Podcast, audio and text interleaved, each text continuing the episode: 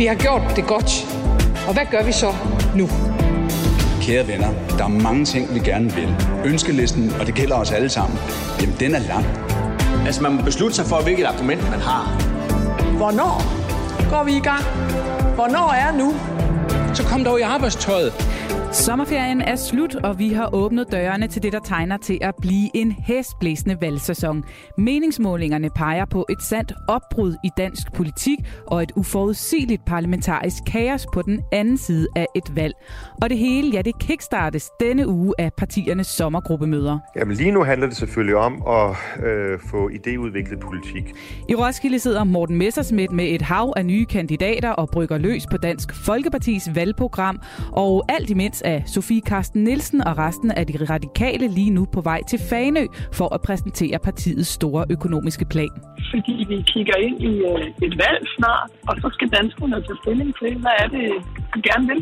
I dagens mandat flyver vi forbi alle ugens sommergruppemøder for at blive klogere på præcis, hvad partierne planlægger at gå til valg på.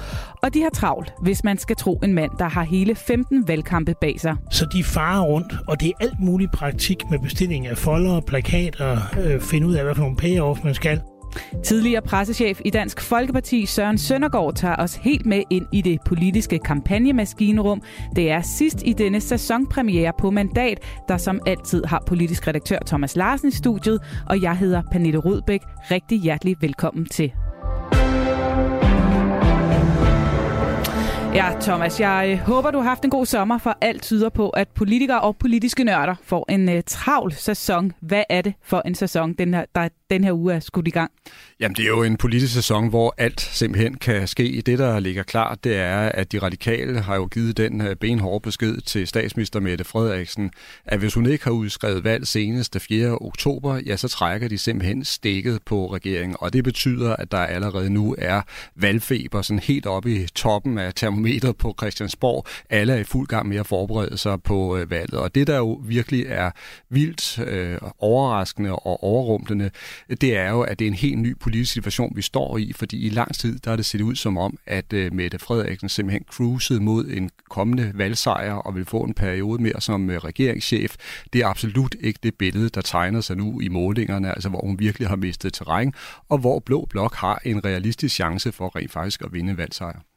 Og jeg sidder her med to stykker papir, som øh, fortæller lidt om det her øh, vilde opbrud, som øh, vi er ved at, at kunne øjne i dansk politik. Det er den her uges to meningsmålinger for henholdsvis Gallup og Voxmeter. Begge giver blå blok flertal. Hvad er det for et opbrud i, i dansk politik, som de her de er udtryk for? Det er jo ikke i sig selv, fordi at øh, Blå Blok har gjort det øh, forrygende godt for nu at starte øh, der. De lever nok snarere af Socialdemokratiets svaghed her og nu, fordi noget af det, der er bemærkelsesværdigt i nogle af de målinger her, det er helt klart, at øh, Socialdemokratiet taber terræn, at øh, liste A, Socialdemokratiet er nede i omegnen af 22-23 procent, og det er altså noget, der virkelig kan være med til at forrykke øh, magtbalancen i, øh, i dansk politik, at de begynder at, at tabe øh, højde.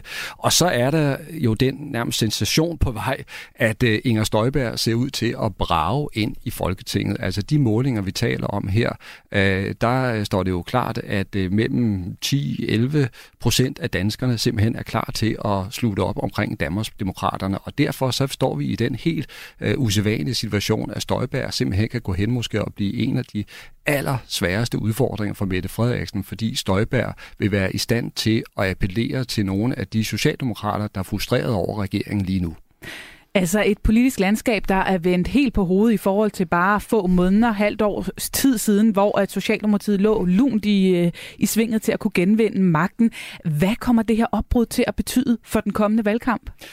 Jamen, det betyder, at vi ser direkte ind i en af de mest uforudsigelige, komplekse øh, valgkampe, som jeg øh, tror, vi har, har, har været vidne til i, i nyere tid, fordi der er rigtig, rigtig mange partier om budet, skal vi huske på, rigtig mange partier, der stiller op og kæmper for at få øh, deres mandater hævet i, øh, i, i land. Så har vi en svækket statsminister, og det betyder også, at store dele af Blå Blok, de vil sætte meget kraftige angreb ind mod hende, altså også, kan man sige, personlige angreb ind mod øh, hende. Og så har vi jo altså Altså de her øh, joker, der også er i spil, først og fremmest øh, Danmarksdemokraterne med Inger Støjberg i spidsen, men jo i virkeligheden også en politiker som Lars Løkke Rasmussen, og som jo står i spidsen for Moderaterne, fordi afhængig af, hvordan valget falder ud, så kan han måske gå hen og sidde med de afgørende mandater og blive en form for ny kongemager i dansk politik. Så lige nu, for at sige det som det er, Pernille, der er ingen, der kan forudse, hvad der kommer til at ske, og derfor er det også så spændende. Og ingen kan heller forudse, hvad der kommer til at ske på den anden side af en valgkamp. Øh, flere analytikere har allerede været ude og tale om kaotiske parlamentariske tilstande, når øh, man skal finde ud af, hvilket kludetæppe, der skal udgøre øh, den kommende regering, hvis, hvis det er der, vi ender. Er det også det her kaosscenarie, du ser ude i horisonten, når du tænker på, på landskabet efter et valg? Ja, afhængig af, hvordan valgresultatet bliver selvfølgelig, så er det klart, at der kan virkelig vente nogle meget, meget svære og komplekse forhandlinger på den anden side, når man skal finde ud af, hvordan man skal danne en regering. Øh, meget vil jo selvfølgelig øh, igen afhænge af, hvordan vælgerne øh, sammensætter øh, det hele, og der vil jo være en hård kamp mellem rød og blok. Hvem er det, der skal være statsminister? Bliver det en rød eller en blå øh, statsminister, der skal stå i spidsen for Danmark? Men midt inde i den her kamp, der kommer der også til at være en selvstændig kamp, der handler om, om der kan laves en regering, der rækker hen over midten. Og det er jo noget, som de radikale i den grad har fokus på, men jo også noget, som en Lars Løkke Rasmussen han vil skubbe kraftigt på. Så der bliver virkelig mange hårde opgør også efter valget. Hårde opgør og masser af spænding, således et par overskrifter på den valgsæson, som altså netop er skudt i gang, og som vi også vil brede sig ud over hele den her første udsendelse. Og skulle du derude have et spørgsmål eller et input i ærmet, som øh, du gerne vil dele med os, så øh, smid det endelig afsted. SMS'en den er åben på 1424. Ja, Thomas, det hele er jo sådan set allerede i gang. Sommergruppemøderne ligger nemlig som perler på en snor de kommende uger og kickstarter altså i år ikke bare den politiske sæson, som de altid gør, men også valgkampen. Lige nu er Dansk Folkeparti samlet i Roskilde for at få samling på tropperne og præsentere ny politik. Det gør de allerede her kl. 12 i dag. De radikale er på vej til Fanø og holder pressemøde lidt senere, også i dag, og i morgen så når turen så til SF, som er samlet i Carbex Minde. Vi øh, skal forbi alle tre partier og høre, hvad der konkret er på dagsordenen om lidt, men allerførst, Thomas, de her sommergruppemøder. Hvad er det egentlig for en størrelse, sådan rent politisk? Jamen, normalt så er det jo sådan, at sommergruppemøderne de bliver brugt til at præsentere nogle af de øh, forslag, som partierne vil arbejde på i en ny politisk øh, sæson. Så de har altid en vis betydning, men her i år, der er de simpelthen vigtigere end nogensinde, fordi i realiteten, så bliver sommergruppemøderne forvandlet til en affyringsrampe, hvor øh, partierne vil gøre alt for at få præsenteret deres mærkesager og deres udspil inden valget, sådan så vælgerne ved, hvad de går til valg på. Og øh, lad os så flyve ud til det første sommergruppemøde, som vi skal forbi i dagens udsendelse, nemlig til Dansk Folkeparti i Roskilde. Her går Morten Messersmith nemlig og bakser lidt med, hvordan man gør et stort set nedbrændt parti klar til valgkamp. Jeg fangede ham fra sommergruppemødet i går for at høre, hvordan han har tænkt sig at gribe den her lyngenopbygning an. Jamen lige nu handler det selvfølgelig om at øh, få idéudviklet politik. Altså vi har lige brugt øh, dagen her i dag på at diskutere sundhedspolitik. Et område, som er ekstremt vigtigt for os, og som øh, noget nyt, øh, så har jeg sørget for, at der rundt omkring i partiet nu er blevet øh, politiske udvalg, hvor man kan idéudvikle ikke bare i folketingsgruppen, men også med byrådsmedlemmer, og kommunalt, regionalt osv. Og, og tovholderne for de grupper, de er faktisk med på vores sommergruppemøde her, så det er ikke kun folketingsgruppen, vi har også nye ansigter, og det vil man også se på vores, øh, på vores pressemøde. Og øh, nogle af de ting, som vi, øh, vi diskuterer, jamen øh, det er jo, hvordan kan vi for eksempel gøre det bedre i forhold til de ældre? Altså øh, både dem, der er, er plejekrævende, altså har øh, behov for hjælp til at bade og rengøring og så videre, hvor vi gerne vil have nogle øh, minimumstandarder, sådan at folk får det, som de gerne vil have det. Men også, hvad kan man sige, mere aktive ældre, altså seniorer, hvor der er øh, mange, der bliver diskrimineret på, øh, på boligmarkedet, når man skal ud og omlægge et realkreditlån eller andet, for at vide, at din dåbsattest gør, at det kan så ikke lade sig gøre. Det vil vi gerne gøre op med. Så vi sidder og diskuterer politik her, og håber da også, at øh, pressen vil begynde at interessere sig for det politiske, i stedet for alt det interne fnider. Så lad os lige tage den del af det også, som du nævner her. Sundhed er noget, I diskuterer. Det er også noget af det, du vil præsentere, når I holder pressemøde i jeres sundhedsudspil. Hvorfor er det lige sundhed, som I i Dansk Folkeparti ønsker at, at gå til valg på? Jamen, vi har øh, udpeget tre temaer, som øh, vi kommer til at, øh, at fokusere på øh, i valgkampen. Og, og ikke sådan, at, at vi ikke kommer til at tale om andet, fordi der er rigtig, rigtig meget, der ligger os på sinde.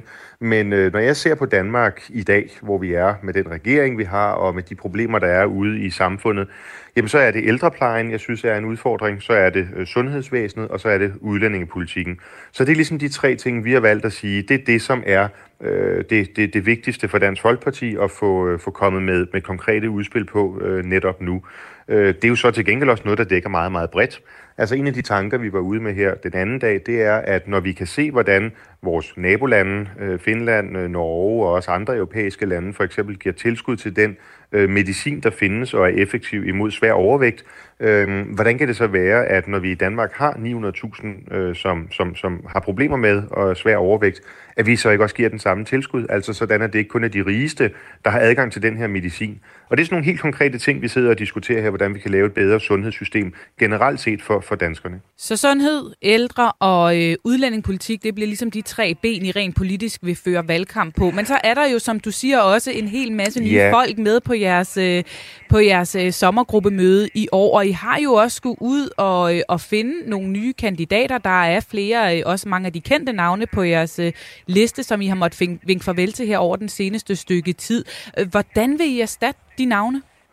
Jamen, jeg synes egentlig, det er et mål i sig selv, at Dansk Folkeparti ikke kun skal være et øh, parti med folk, der har været på Christiansborg i måske 20 eller 30 år. Altså, jeg værdsætter rigtig meget erfaring, øh, og den erfaring, vi har i Folketingsgruppen, er, er guld værd. Men det er også et mål i sig selv for mig at sige, nu er Dansk Folkeparti altså, øh, altså snart 30 år gammel, og derfor også moden til at have nogle nye ansigter på banen.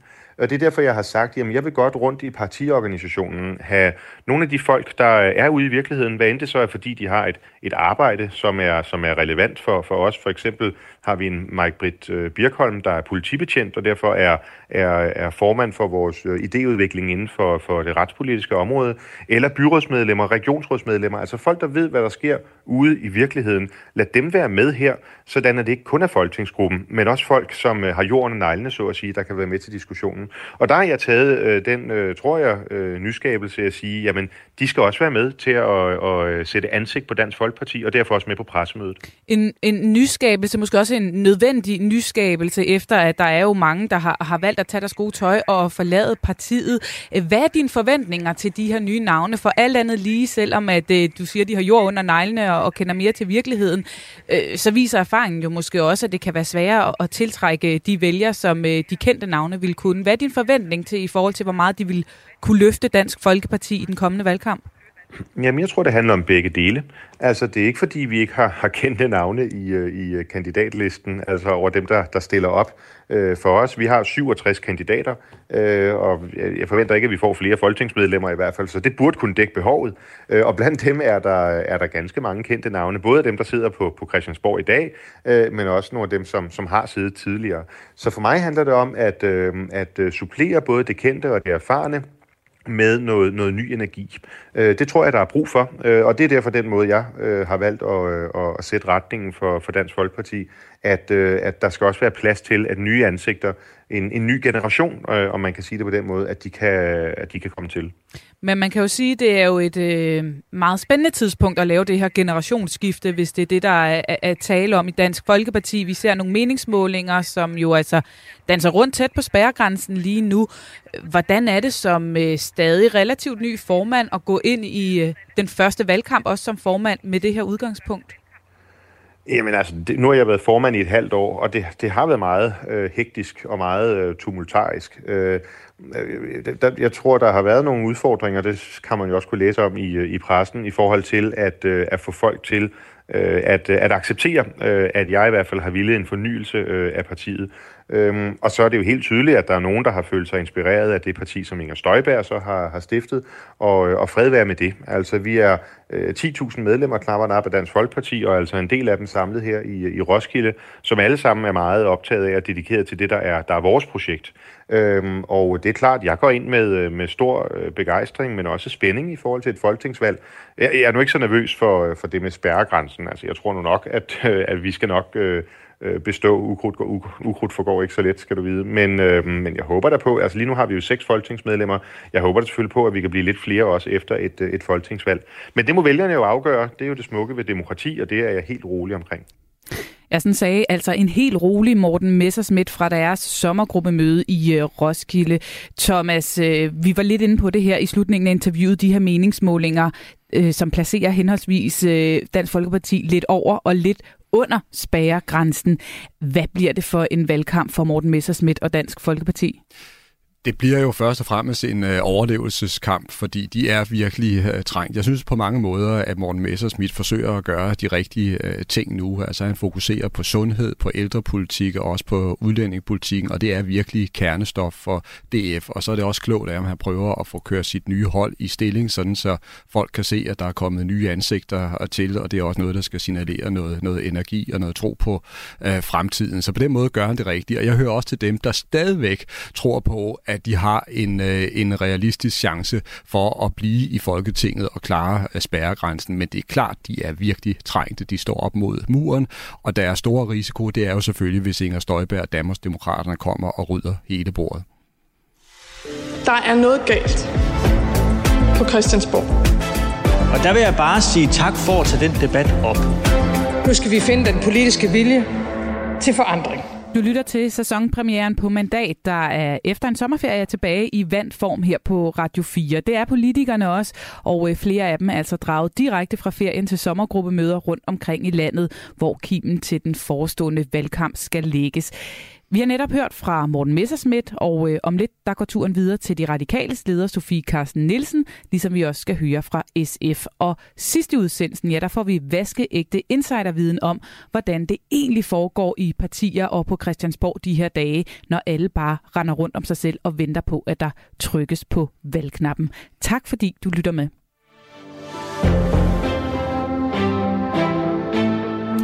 Ja, en af de partiledere, der er kommet fra ferie med turbo på, det må siges at være de radikales leder, Sofie Karsten Nielsen. Hun lagde ud med højt og tydeligt i flere medier at genbekræfte det ultimatum, som hun sendte hele det politiske Danmark og ikke mindst regeringen på ferie med, udskriv valg inden 4. oktober, eller vi vælter jer.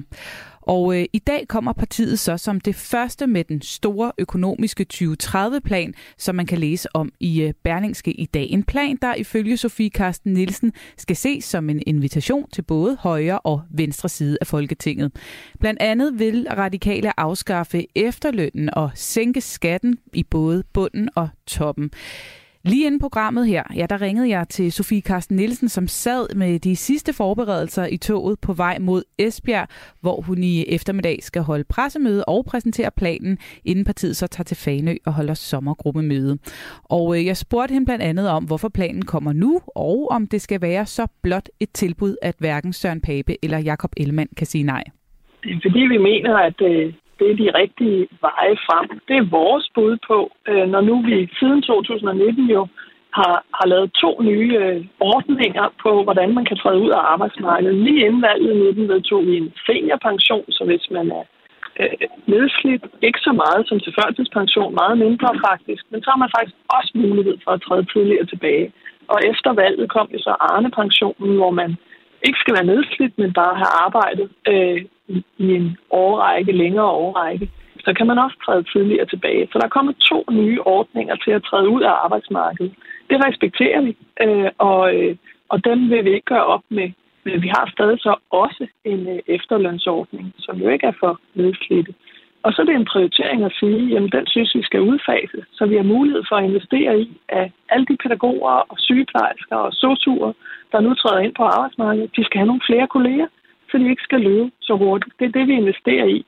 Øh, og det er det, der virker også ved at sænke skatten, både i bunden i midten mm. og ved at flytte topskattegrænsen lidt. Men er det her øh, lokkemad, du lægger ud til øh, lederne af Blå Blok? Nu er øh, Jakob Ellemann og Søren Pape Poulsen øh, jo nogle af dem, som jeg tænker, du rigtig gerne vil prikke øh, på skulderen i forhold til at få øjnene op for det her brede regeringssamarbejde. Er det ligesom også strategien bag den her plan, at øh, at du vil lokke dem til at, eller i hvert fald gøre det svært for dem at sige nej til et regeringssamarbejde hen over midten? Nej, det er faktisk ikke strategien bag planen, at der skal være lukket noget. Det er fordi, vi mener, at det er det, øh, der, der skal til, for at vi kan få økonomien til at hænge sammen de næste 10 år. Men jeg håber da, at både Søren Pape og Jakob Ellemann kan se, at det her, det vil virkelig kunne samle os om at tage nogle ansvarlige beslutninger, og ikke mindst give os mulighed for, derfor håber jeg også, at Socialdemokrater og SF, meget gerne andre, kan se, at hvis vi skal have mulighed for at investere i vores børn, for de pædagoger, der skal fylde de nummeringer, vi har vedtaget, at vi skal have mulighed for at investere i vores sundhed og vores velfærd, så er vi nødt til at træffe nogle modige beslutninger, fordi ellers er der ingen penge til det. Du siger også i Berlingske, at du faktisk synes, at det er uhørt, at regeringen endnu ikke er kommet med sin økonomiske plan. Øh, så hvis det her, øh, kan man sige, skal række en hånd ud til, til de blå partier, er det så samtidig også lidt en stikpille til Socialdemokratiet? Nej, øh, sådan er det ikke tænkt, og jeg ved, at regeringen øh, jo har planlægger at komme med en, Men det er for sent. Øh, der er nogle gode grunde til det. Øh, regeringen har sammen med os andre skulle håndtere en coronakrise. Men det er problematisk for, for os som samfund og for dansk politik, og ikke mindst for dansk økonomi, når vi ikke har en langsigtet plan, hvor vores visioner kan tale ind i, og hvor vi ved, at der bliver taget hånd om fremtiden. For det gør jo, at vi nu står lidt i et vakuum, øh, og politik er fra tue til tue. Så nu mm. kommer vi med vores bud, så regner jeg med, at regeringen, øh, Socialdemokraterne også kommer med deres bud, og det vil jo være godt. Men tror du, at en socialdemokratisk regering nogensinde kunne gå med til at afskaffe efterlønnen? Jeg tror, der er mange ting, øh, som øh, en socialdemokratisk regering øh, vil kunne se sig selv i. Øh, men det er ikke et ultimativt øh, bud. Det er bare et, der virker, øh, og som jeg synes er rimeligt, når nu vi har lavet, det er det, man skal huske, to nye øh, ordninger siden, øh, siden da, siden 2019 øh, til, hvordan man kan træde ud af arbejdsmarkedet. Så er vi også nødt til at tænke på alle dem, der træder ind på arbejdsmarkedet som socioassistenter, som sygeplejersker, som læger og pædagoger. Vi mangler dem, og der er for få af dem, mm. og de mangler kolleger ved siden af du siger, at I har lavet en plan med lidt til alle, både til røde og til blå. Lidt til alle, det kan jo også betyde, at der ikke rigtig er nok til nogen. Risikerer du ikke at have sat dig så meget mellem to stole, at, at ingen rigtig vil lege med jer? Øh, nej, fordi det her er en virkelig ambitiøs plan, som øh, leverer rigtig meget til danskerne. Og det er jo dem, det handler om. Det er ikke så meget... Men det handler vel også om øh, at kunne få nogen med, ellers så, så, så bliver det vel ikke til noget? Nej, det er klart. Øh, men et hvert parti øh, der vil tage ansvar for Danmarks økonomi, kommer til at forholde sig til de her ting. Det bliver selvfølgelig ikke øh, 100% på vores måde. Det har vi ingen øh, illusioner om. Her til sidst, Sofie Karsten Nielsen, du øh, har skudt den politiske valgsæson sådan rimelig kontant i gang med at genbekræfte jeres ultimatum om, at der skal udskrives valg inden den 4. oktober. Øh, nu kommer du med endnu en række økonomiske krav til Mette Frederiksen, hvis hun skal kunne regne med jeres støtte efter et valg. Og, og samtidig så lægger I jo ikke skjul på, at I gerne vil indgå et regeringssamarbejde med hende. Hvordan skal man forstå logikken i på den her måde hele tiden at sætte pistolen for panden af dem, som man ønsker skal vise en tillid til et fremtidigt regering? Regeringssamarbejde? Jamen, vi kommer her med vores bud. Det er ikke nogen pistol. Det er jo et bud på, hvordan øh, vi øh, fremtidssikrer øh, vores økonomi og får en langsigtet øh, plan for det, så vi kan investere i alt det, vi jo er enige om, der virkelig er behov for at investere i. Statsministeren har også mange gange sagt, at vi har brug for reformer, øh, og, øh, og det kommer hun også til at fremlægge. Nu fremlægger vi bare vores bud. Det er da en invitation i den grad. Øh, en udstrakt hånd, både til socialdemokrater og til øh, borgerlige og til alle andre. Men, øh, men jeres øh, ultimatum om, at der skal udskrives valg den 4. oktober, er vel knap så meget en invitation. Hvad er logikken i, i det, hvis man vil gerne have, at hun på sigt skal kunne udvise tillid til også at indgå et regeringssamarbejde med jer? Ja, men det er jo konklusionen på blandt andet Minkkamp.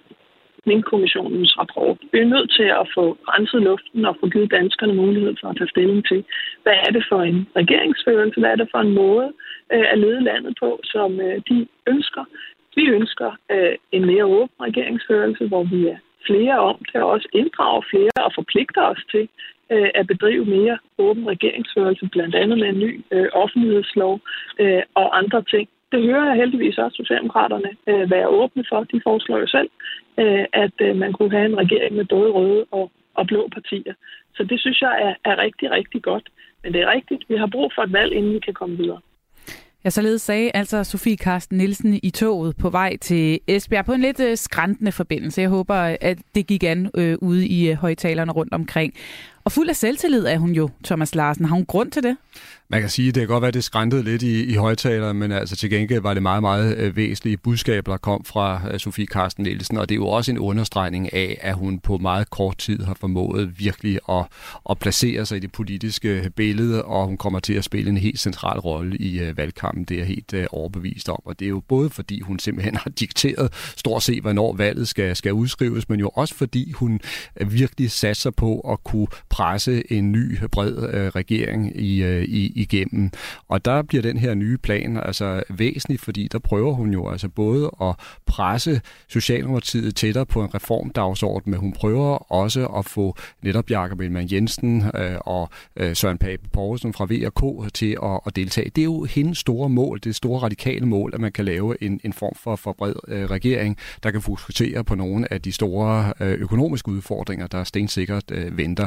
Men jeg skal også sige, hun kan jo altså også risikere, at hun taber det hele på gulvet, fordi det kan jo for eksempel ende med en ren blå regering, altså hvor en Inger Støjberg eksempelvis kommer til at fylde en del, hvis hun ryger ind i, i Folketinget med alle de mandater, som, øh, som det ser ud til øh, lige nu. Så hvis man sådan skal opsummere det, så kender vi ikke resultatet af det, som Sofie Karsten Nielsen har gang i, og hun spiller meget, meget højt politisk spil. Og det er jo en omfattende økonomisk plan med meget markante øh, udspil øh, i, i forhold til at afskaffe efterlønnen og og skattenedsættelser osv. Øhm, er det en plan med dine øjne, som rent faktisk kan rykke noget rent politisk i den her valgkamp?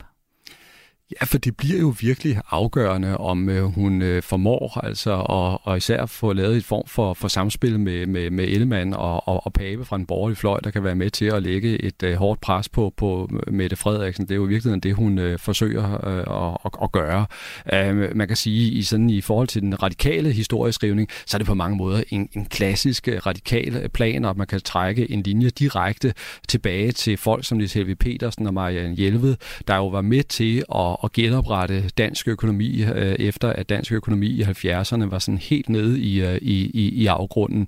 Så de radikale mener det her, og de vil stå øh, hårdt på, på, øh, på, på planen, men hvor det ender hen, det er der ingen, der kan sige på nuværende tidspunkt. Hvis vi så ser på, øh, på, på hele den, øh, ja, hvad kan man sige, de, de udspiller, de udtalelser, som Sofie Carsten Nielsen har åbnet den her valgsæson med. Hun startede med at være ude og øh, genbekræfte sit ultimatum. Nu kommer så den her store økonomiske plan.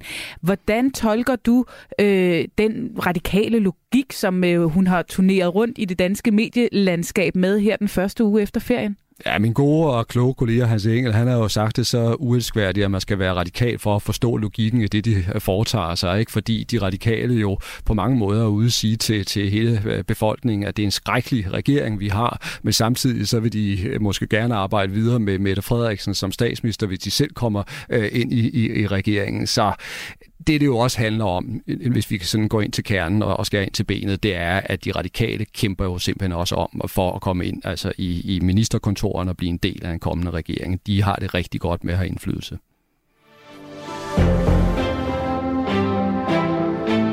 Og mens et støtteparti har sat sig på store dele af sommerens politiske dagsorden, ja, så lever et andet støtteparti måske mere stille. Ikke desto mindre, så er det faktisk også den her uge, nemlig i morgen, at SF holder deres sommergruppemøde. Og øh, hvad er det så præcis for et sommergruppemøde, som SF står overfor? Ja, det tog jeg mig en snak med øh, retsordfører Karina Lorentzen om. Det er jo et rigtig vigtigt øh, sommergruppemøde. Det er jo i hvert fald helt med sikkerhed det sidste inden et øh, folketingsvalg. Og det er klart, det vil vi gerne bruge som en øh, rampe for at præsentere noget af det politik, øh, som vi gerne vil gå til valg på. Så er det et anderledes sommergruppemøde end, øh, end dem, I har holdt de foregående år? Altså det er jo et anderledes sommergruppemøde på den måde, at vi øh, kommer til mere sådan fremadrettet og kigge ind i, hvad er det for nogle sager, som vi gerne vil gå til valg på. Øh, og det er øh, helt SF Classic, uden at øh, løfte sløret for meget øh, på forhånd, øh, så er det jo øh, velfærden, det er vores børn, vores ældre, øh, det er naturen, øh, som kommer til at fylde. Så det er helt, øh, som, øh, som man kan forvente af, af SF Classic. Øh, vi bruger jo altid vores sommergruppemøder på at, at præsentere øh, en politisk retning, Øh, men det, der er lidt anderledes den her gang, er jo, at vi kommer til at løfte sløret for noget af det, vi går til valg på. Så børn bliver en vigtig dagsorden i det kommende valg for SF. Øh, samtidig så har I jo støttet en Mette Frederiksen, som har kaldt sig børnenes statsminister gennem de sidste tre år. Mener du, at hun har levet op til den titel? Altså, vi er jo meget ambitiøse i SF, når det handler om børn. Det er, det er helt indlysende, og øh, det kan godt være, at øh, Mette Frederiksen vil kalde sig børnenes statsminister, men øh, jeg vil i hvert fald uden at, at rødme kalde os for øh, børnenes øh, parti. Øh, jeg synes, vi tager øh, børnenes dagsorden øh, overalt, hvor vi kan komme til det. Øh, det gennemsyrer øh, rigtig meget af vores politik, og det er klart, at når man har det sådan, så har man også nogle ambitioner for, øh, hvordan man får skabt et bedre børneliv, mm. øh, får gjort noget ved mistrivselsdagsordenen, sikre, at alle børn og unge øh, kan noget og kan komme i gang med noget. Øh, og der har vi jo selvfølgelig mange flere idéer til, hvordan vi, øh, vi kommer videre af den vej. Det er vi slet ikke færdige med.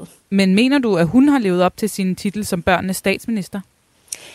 Jeg mener godt, at øh, der er plads til forbedringer i hvert fald, øh, og derfor kommer vi jo hele tiden til at presse statsministeren på den dagsorden, fordi vi vil meget mere, når det handler om, øh, om børnene. Og lige præcis når det handler om mistrivselsdagsordenen, så synes jeg jo, at, øh, at der er mange flere ting, som vi skal have taget fat i.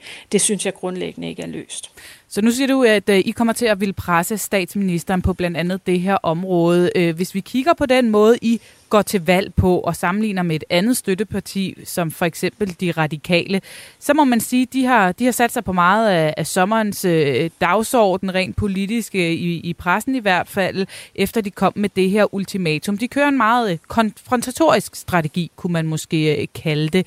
Øh, hvordan er jeres øh, strategi sammenlignet med de øh, radikale? I har jo øh, kørt det måske lidt mere stille, uden at råbe helt så meget op, som, som de har. Ja, man må sige, at øh, minkforløbet har fyldt rigtig meget øh, i, øh, i den offentlige debat øh, de sidste par måneder. Øh, så på den måde kan jeg jo egentlig godt følge de radikale i, at det vil være fornuftigt at, at spørge befolkningen ved et valg.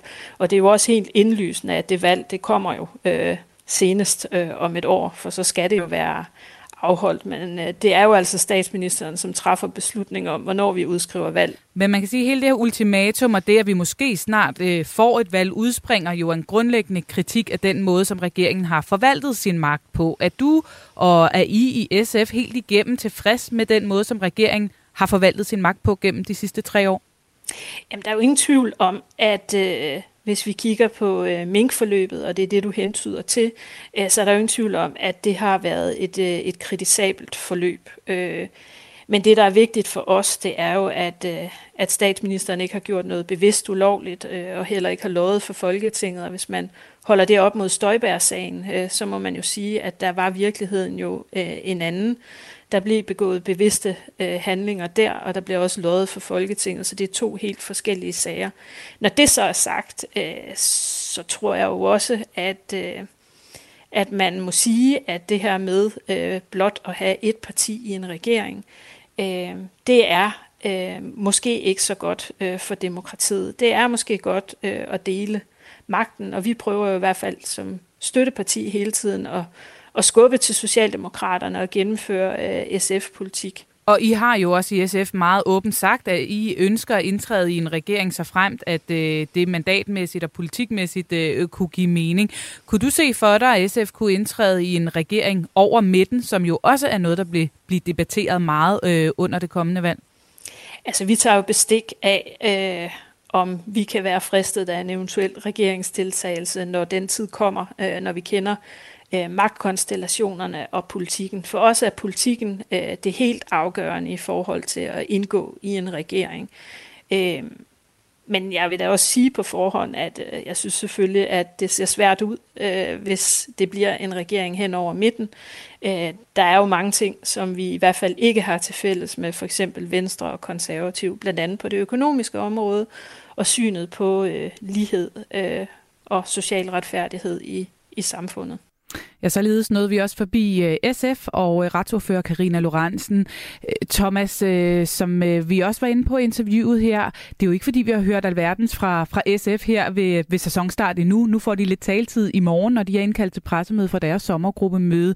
Men hvordan ser du ligesom den retning, som SF sætter her forud for et kommende valg?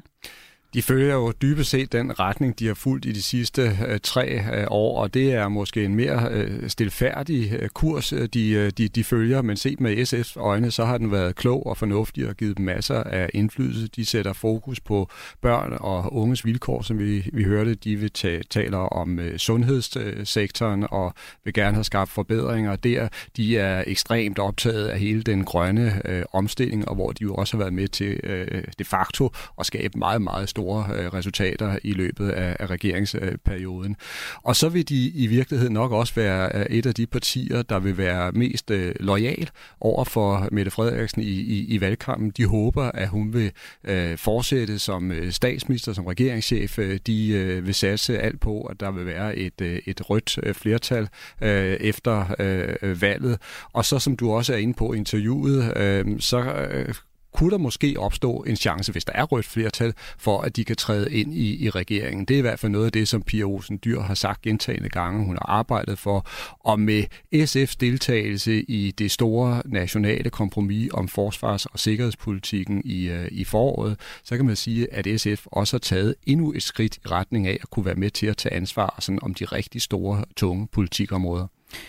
Alligevel så hører vi jo her et SF, som vil gå til valg på SF Classic, øh, børn, øh, miljø og så videre.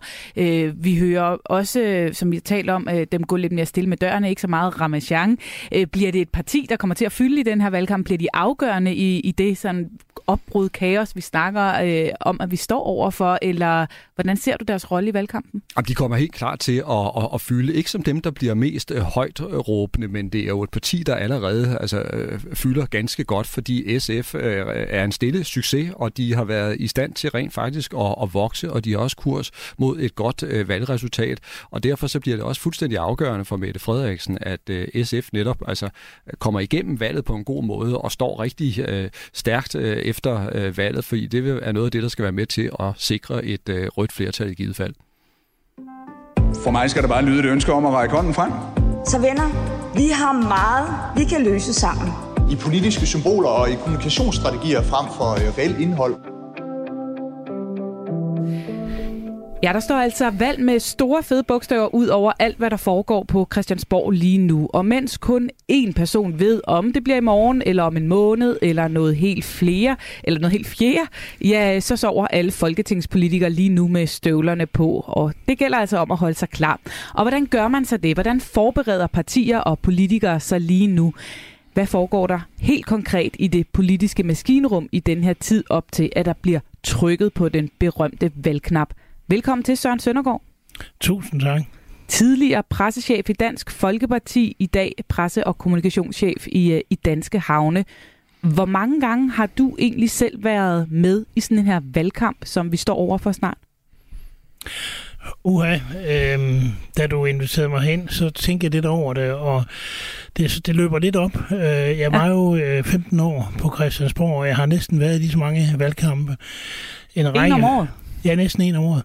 Fire folketingsvalg, øh, tre Europaparlamentsafstemninger, fire kommunalvalg og et par folkeafstemninger.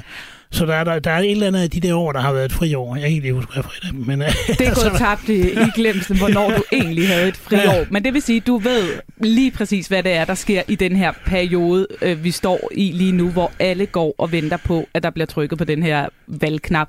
Så, så prøv at fortælle os, hvad er det for en maskine, som partierne skal have op og køre til sådan her valg? For, for partierne er det jo indlysende. De har, de har voldsomt travlt. De har travlt på organisationsniveau. De har travlt på det politiske niveau. Øh, og det her valg er jo lidt specielt, fordi der er kommet sådan lidt et Damokles svær over, over Mette Frederiksen med, med truslen om at blive væltet 4. oktober, hvis ikke hun har udskrevet valget. Så der sker et eller andet mellem nu, mens vi taler, og så 4. oktober. Det ved partierne, og det er de vidst sommeren igennem. Så de farer rundt, og det er alt muligt praktik med bestilling af folder, plakater, øh, finde ud af, hvad for nogle payoff man skal, som vi har set de her seneste dage, politiske udspil fra Venstre og fra Dansk Folkeparti, fra deres sommergruppemøder, øh, hvor partierne prøver at, at skaffe sig en position i vælgernes bevidsthed. Mm. Så der er en masse praktik, der er nogle øh, plakater, der er nogle folder, der er noget politik, der skal præsenteres. Altså, øh, det er sådan en del af den her maskine, men altså, hvad, hvad er sådan de her dage, de her uger, hvordan foregår det på Christiansborg og i partierne, hvis du skal prøve at sætte nogle ord på det? Altså hvis jeg skal være sådan lidt, uh, lidt, lidt folkelig og, og frisk, så snart ordet valg bliver nævnt inde på Christiansborg, så går alting op i røg, og folk farer rundt i små cirkler ind og ud af døre, og, og det er selvfølgelig billedligt talt, men, men det er også i, i virkeligheden, det, det, vil, det vil Thomas kunne berette og, og bekræfte øh, også. Det er sådan, at der partier går i selvsving, når de hører ordet valg. Jeg tror, det er ligesom man i, i detailhandlen, når man planlægger påsken eller julehandlen, så går man i selvsving. Og der, udover de der praktiske ting med plakater, payoffs, presseindsats og alt sådan noget, så skal der jo lægges en valgstrategi. Og det er jo klart, jo tættere du kommer på et valg, og jo mindre forberedt du er, jo sværere bliver det. Så bliver det ad hoc, og det kan blive sådan noget hoppen fra tue til tue. Og det er farligt for et parti. Jamen, det skulle jeg til at spørge om, fordi at du, det, du får det til at lyde sådan lidt øh, panikagtigt, at man løber rundt og bestiller nogle valgplakater. Du har været med i 15 år. Ligger der ikke en øh, manual eller en plan i skuffen, man hiver frem og siger, godt, det er, det er den og den og den og den ting, vi skal have op og køre nu? Okay, og, og i de store etablerede partier, der kører de manualer jo også mellem valgene. Så der ligger en plan, hvad skal partiorganisationen gøre, hvordan skal man øh, godkende kandidater, og alle de her ting. Man rykker lokalforeningerne for meldinger af kandidatlister. Alle, alle de her praktiske ting, ligger der, det ligger der planer for. Ikke desto mindre har jeg bare oplevet i alle partisekretærer, jeg har haft med at gøre på Christiansborg i de år, så snart ordet valg bliver råbt, så løber folk rundt, og det er fra partisekretærer sekretær, som i virkeligheden er den øverste ansvarlige for partiernes organisation, og ned i til, til bagerste folketingsmedlem i et parti. De farer rundt i små cirkler, og, og har jeg nu styr på, skal vi nu, og render op i pressetjenesterne for at spørge, kan I gøre noget for mig? Altså, der er en myre aktivitet. Det er enormt sjovt at se på. Altså tænker jeg, hvis jeg kunne tilføje noget af det, der jo også gør den her kommende øh, valgkamp så spændende, og som også gør, at de er ekstra travlt i partierne lige nu, øh, det er jo, at de faktisk er ringe forberedt, og jeg har nær sagt med, med, med god grund, ikke sandt Søren? Fordi vi har været igennem en, øh, en regeringsperiode, der har været helt altså, unik og ekstraordinær, fordi det har handlet om corona i høj grad, og dernæst så kom øh, krigen i øh, Ukraine, og det har jo i høj grad altså øh, påvirket dagsordnerne og gjort det svært at komme med en masse andre øh, udspil. Oven i det, så står vi midt i en økonomisk vending, hvor der er ingen, der ved, hvordan økonomien udvikler sig. Så hvordan skal partierne også forholde sig til det?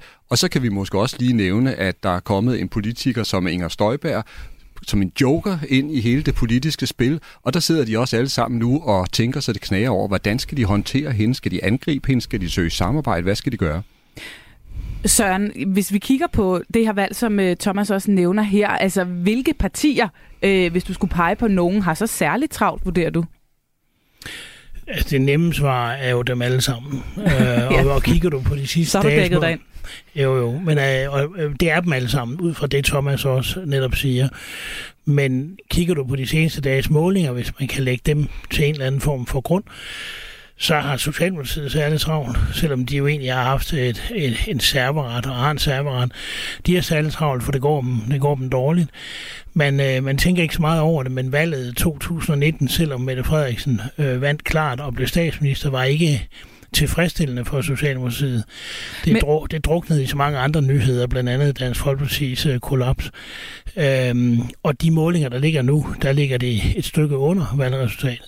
Så de hvad, er særligt travlt. Hvad er det, de har travlt med? Fordi de har vel om nogen en stor maskine kørende for sig allerede. De har en kæmpe maskine. Altså, der skal man ikke undervurdere sådan nogen som Venstre og Socialdemokratiet. Super professionelle, veltrænede, erfarne valgmaskiner, øh, som hjælper partilederne øh, big time og, og de giver baghjul til alt og alle på, på Christiansborg. Og så er der sådan en, en dark horse som, som Lars Lykke, som egentlig ikke står super blændende i de der målinger, men han er en enormt dygtig campaigner, og jeg har øh, lagt mærke til, at han har brændt sig i kampform, øh, og det gør han for, for alle valg, men han er i den klar, grad klar til en valgkamp og han er mere utrættelig og frækkere og dygtigere end de fleste. Så, men tilbage til spørgsmålet om, øh, hvorfor Socialdemokratiet har, har travlt travlt. Det har det, fordi de bliver nødt til at kigge på en ny strategi.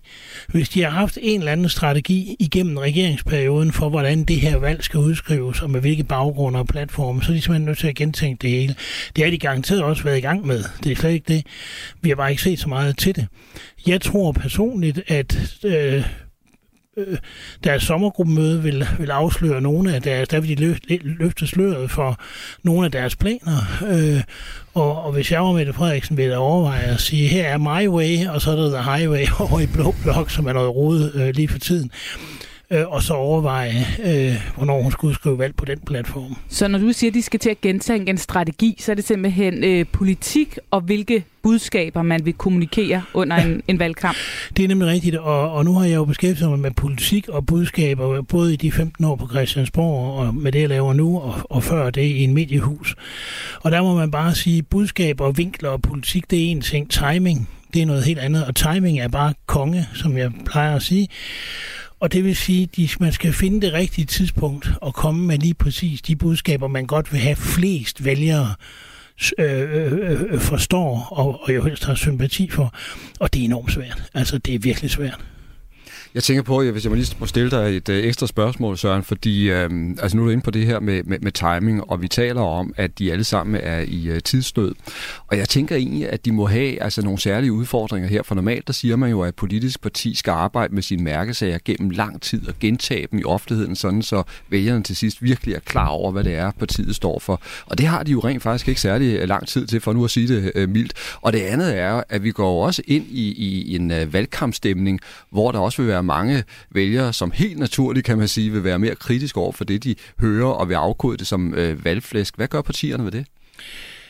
Det er meget svært at gøre noget ved for at, at, at svare ærligt. Du har fint ret. Jeg, jeg plejer at formulere det internt sådan lidt... Øh, lidt ligefremt. Man skal gentage sine budskaber, indtil man kaster op over og hører på dem selv. Før, først der har øh, blot lidt over halvdelen af vælgerne hørt det og erfaret det. Man har en vane med at tro, at det man selv kommunikerer på de platforme, hvor man kommunikerer i de kredse, man færdes, når de har hørt det, så har alle hørt det. Sådan er verden. Så god er verden ikke for de politiske partier. Så jeg vil faktisk sige, partierne har ikke tid, Thomas, til at gøre det, de egentlig skal gøre mellem nu og når det valg kommer, hvornår det kommer. De har simpelthen ikke tiden til det. Så de er nødt til at blive lidt øh, kantede, de er nødt til at være lidt friske. De er nødt til, som Venstre gjorde her, at blive first mover, fordi så er der trods alt flere, der sådan har lidt altså, opmærksomhed fordi de kom med et, et boligudspil. Lige og, ja. og det at være first mover i sådan en situation, man, man, man, man skal ikke overgøre det, men man skal heller ikke undervurdere det. Fordi vælgerne er ikke blevet trætte af politiske budskaber. Vi lige kom hjem på sommerferie, vi har fået sangria og drinks og solskin og det hele. Og nu kan vi godt lige høre et par politiske budskaber, men som du er inde på, Thomas, når der er gået en uge eller to, og vi er druknet i politiske meldinger, så er de fleste her stødtrætte, undtagen politiknørderne. Ikke? Så gider vi ikke høre mere politik. Så savner vi pludselig Vingegård og de flotte billeder fra Tour de France. Så, så politikerne er op mod noget helt vildt her. Udover at der er historisk mange partier, der ser ud som om, at det bliver et jordskredsvalg igen, som i 70'erne. Så partierne er op imod noget, hvor jeg bare personligt er lykkelig for at sidde udenfor og kigge ind for en gang skyld, i stedet for at sidde Du er ikke indenfor. misundelig på det, og, det, det, det spændende valg, vi står overfor? Ved du hvad, jeg har haft 15 fantastiske år på Christiansborg, jeg fortryder ingenting, det har været sjovt og lærerigt. Men jeg må også indrømme, det, det privilegium, det er at sidde og kigge på udefra, det kan jeg godt, øh, det kan jeg godt tænke lidt over. Det skulle jeg måske lidt før have ondt mig selv. For det at sidde indenfor og, og blive ramt af et eller andet, hvor man så skal tænke, inden i morgen skal være en løsning på det her. Det er benhårdt, og det er det, alle partier op imod. Nogle kæmper jo for deres overlevelse og liv. Øh, Mette Frederiksen kæmper for sin statsministerpost. Venstre kæmper for at være hvad skal man have første retten, som, i, som det ser ud som om, de har i målingerne, men de bliver nødt til at kæmpe om den der første ret, for der er jo også et konservativt parti, der rører på sig. Og så er der altså, som du nævnte, Dark Horsen Støjberg, som, som ligger på de der 10-11 procent i målingerne relativt stabil, og det er ikke så langt fra V og K, så jeg vil være lidt, lidt træt af det, hvis jeg var dem. Så hvem bliver størst? Hvem, hvem har førerhunds øh, øh, i blå blok. Det er der også nogen, der skal slås for. Og så er der de radikale, som ligger lidt op og lidt ned i målingerne. Og de har udstedt den her trussel, og den skal de stå på mål for. De har det problem, at der er kommet en Lars Lykke. Nogle af deres vælgere kunne måske overveje at sige, at vi prøver ham. Det ved jeg ikke. Men der er i hvert fald nok at tage af. Der er nok at gå i gang med for stort set alle partier. Du sagde, det galt blandt andet om at komme måske hurtigt ud af, af startboksen, være first mover på den, der øh, fik lov at tale politik, fordi lige pludselig er vi alle sammen trætte af det. Øh, med dine mange års erfaring her til sidst, Søren Gun, øh, Søndergaard, har du andre sådan do's and don'ts, du lige vil nå at sende afsted til dine øh, tidligere kolleger inde på Christiansborg øh, her de kommende uger, inden valget kommer, eller måneder? Vi ved det jo ikke. jeg er jo fristet af at, at, at sige, at bitter erfaring skal man passe på, når at markedsføre omfartsveje i valgkampe. og øh, nu hvor vi er på den her fremragende radiostation, så er der også en anden radiostation, man nok skulle overveje ikke at lægge sig ud med tidligere, øh, fordi der i Medie Danmark hurtigt bliver sådan en, en, øh, en, en, en rykken sammen om, om om vennerne. Øh, så hvis, man, hvis, hvis jeg skal give sådan et helt overordnet råd, øh, hold mediepolitikken ud af jeres valgkamp. Der er heller ikke så mange vælgere i det, så det gør noget. Og sørg for at være så skarp, at man forstår, hvad I siger, hver gang I siger noget. Det er svært, men prøv. Og den sidste ting er, prøv at kigge lidt på, hvad det er for nogle bevægelser, der er, både i Danmark, i USA, i Tyskland, i Ungarn, i Finland, i Frankrig der er en bevægelse i retning af, at det, man kalder middelklassen, de hårdarbejdende danskere, den, den almindelige dansker, kært barn har mange navne, føler sig en lille smule presset af alt muligt fra ja, københavneri, jyderi af det nye ord, kan jeg, kan jeg læse mig til, Vogue, der er en række ting. Man skal også huske, at man driver som politiker et land baseret på skaffedyr, baseret på, at danskere går på arbejde, passer deres ting, klipper deres hæk dem ville jeg nok, hvis jeg var, skulle give dem et virkelig overordnet råd, kig på dem og gøre noget for dem i jeres valgkamp. Det lyder til, at Inger Støjberg allerede har fået et råd fra dig, eller havde hun også bare øh, delt den analyse allerede, tror du? Det ved jeg ikke, øh, og jeg mener ikke kun det Inger Støjberg, det gælder for den sags skyld også øh, Socialdemokratiet, det gælder også Venstre, det gælder Konservativt, det gælder egentlig alle partier, som alle sammen har en, en øh, iboende trang til at dele penge ud, men ikke altid har den samme iboende trang til at skaffe pengene, enten ved reformer, skatteforholdelser eller på anden måde. Det gælder fra højre til venstre. Og hermed er, er det råd givet videre til, øh, til det brede politiske landskab. Tusind tak for besøget, Søren Søndergaard. Velbekomme, det var en fornøjelse.